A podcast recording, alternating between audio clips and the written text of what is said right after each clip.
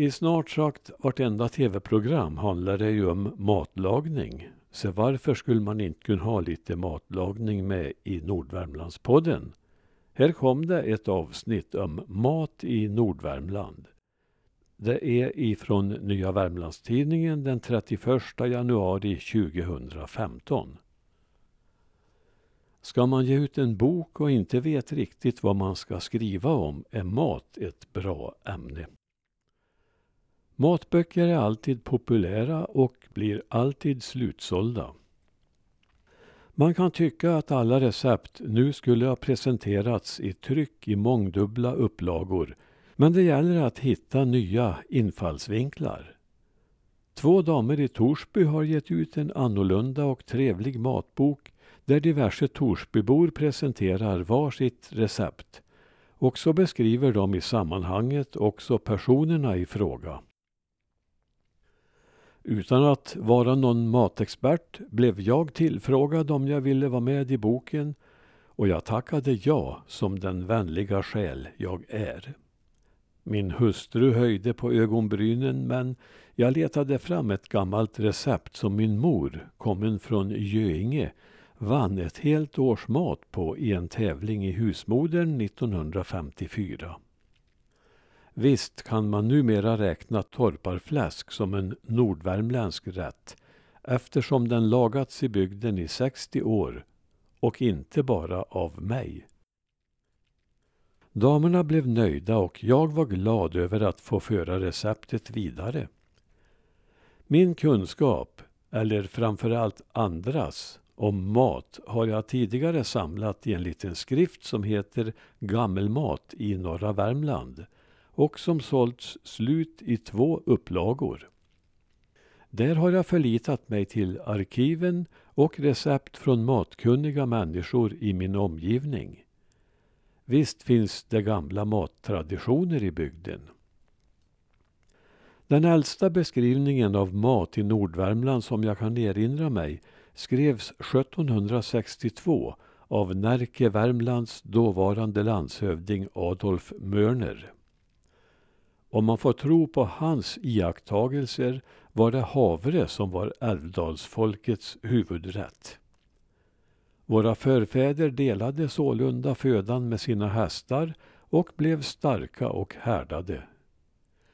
Det har ju visat sig på senare år att just havre är ett särdeles nyttigt födoämne.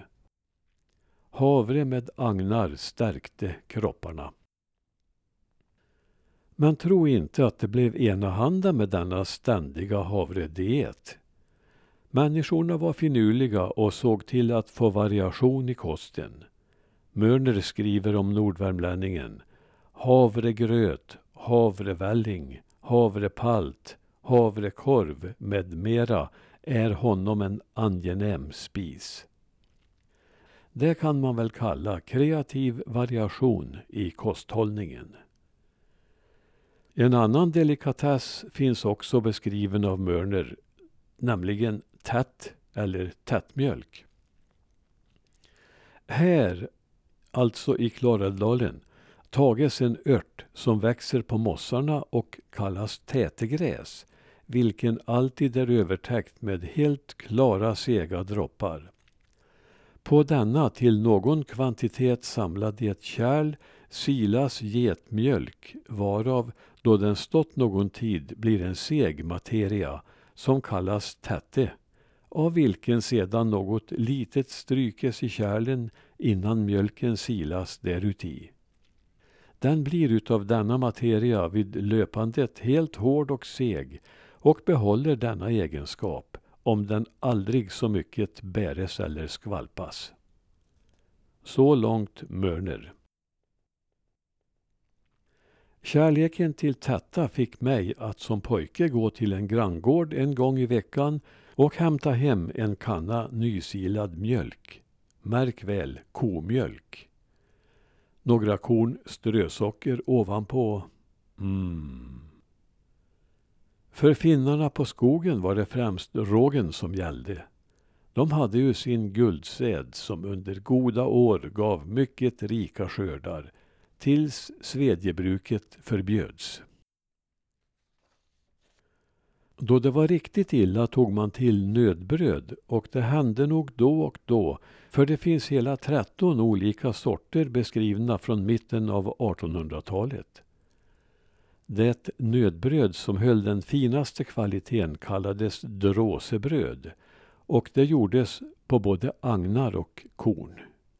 Det är väl ungefär sådant som vi äter idag för att hålla oss friska. Den sämsta sorten kallades barksubb och det var riktigt barkbröd utan minsta tillsats av mjöl. Carl Larsson Bergqvist har beskrivit en normal matordning i 1880-talets Dalby så här. Vid sextiden steg man upp och tog en kopp kaffe utan dopp.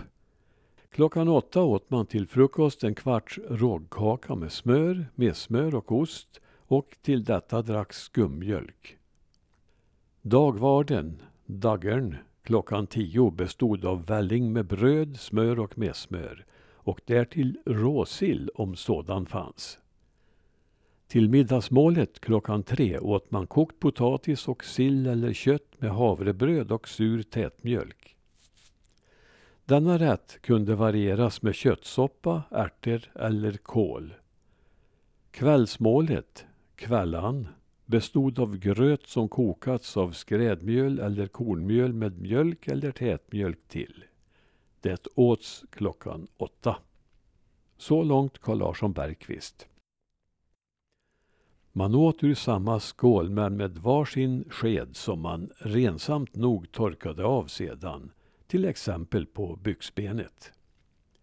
Och matkulturen idag i norra Värmland? Jo, när det ska dukas fram något riktigt typiskt och exklusivt värmländskt blir det helst nävgröt och fläsk eller en kolbulle. Nävgröten fick vi ju hit med finnarna som flyttade hit på 1600-talet och kolbulle var något av det enklaste en skogsarbetare kunde laga till ute i det fria. Stekt fläsk, salt, mjöl och vatten. Visste ni förresten vad det första var som de fem av tio berömda hjältarna från Telemarken åt då de lyckats fly över gränsen till norra Värmland efter sabotaget mot tyskarna i Rjukan? Jo, de blev bjudna på kolbullar av några skogsarbetare de träffade på väster om Uggelheden. Författaren Gustav Skröder som höll till i Dalby på 1850-talet berättade att de som arbetade i skogen slog vatten i en stekpanna och satte på elden. Så rörde de i salt och mjöl till en tjock deg. Sedan fick pannan stå på elden tills degen blivit brun i bottnen och släppte. Av denna gröt skar de bitar och doppade i mjölk. Till nävgröten åt man mest fisk förr, innan det amerikanska fläsket blev vanligt i slutet av 1800-talet. Och skrädmjöl är nog också något som kommit till med tiden. Vi kan förmoda att man helt enkelt tog vad man hade. Så också med kolbullen. Kvickt tillagad skulle maten vara i skogen och det är säkert först nu i efterhand som recepten blivit standardiserade. Jag frågade min far vad han hade i matsäcken när han högg timmer i ungdomen och fick svaret filmjölk och havregryn.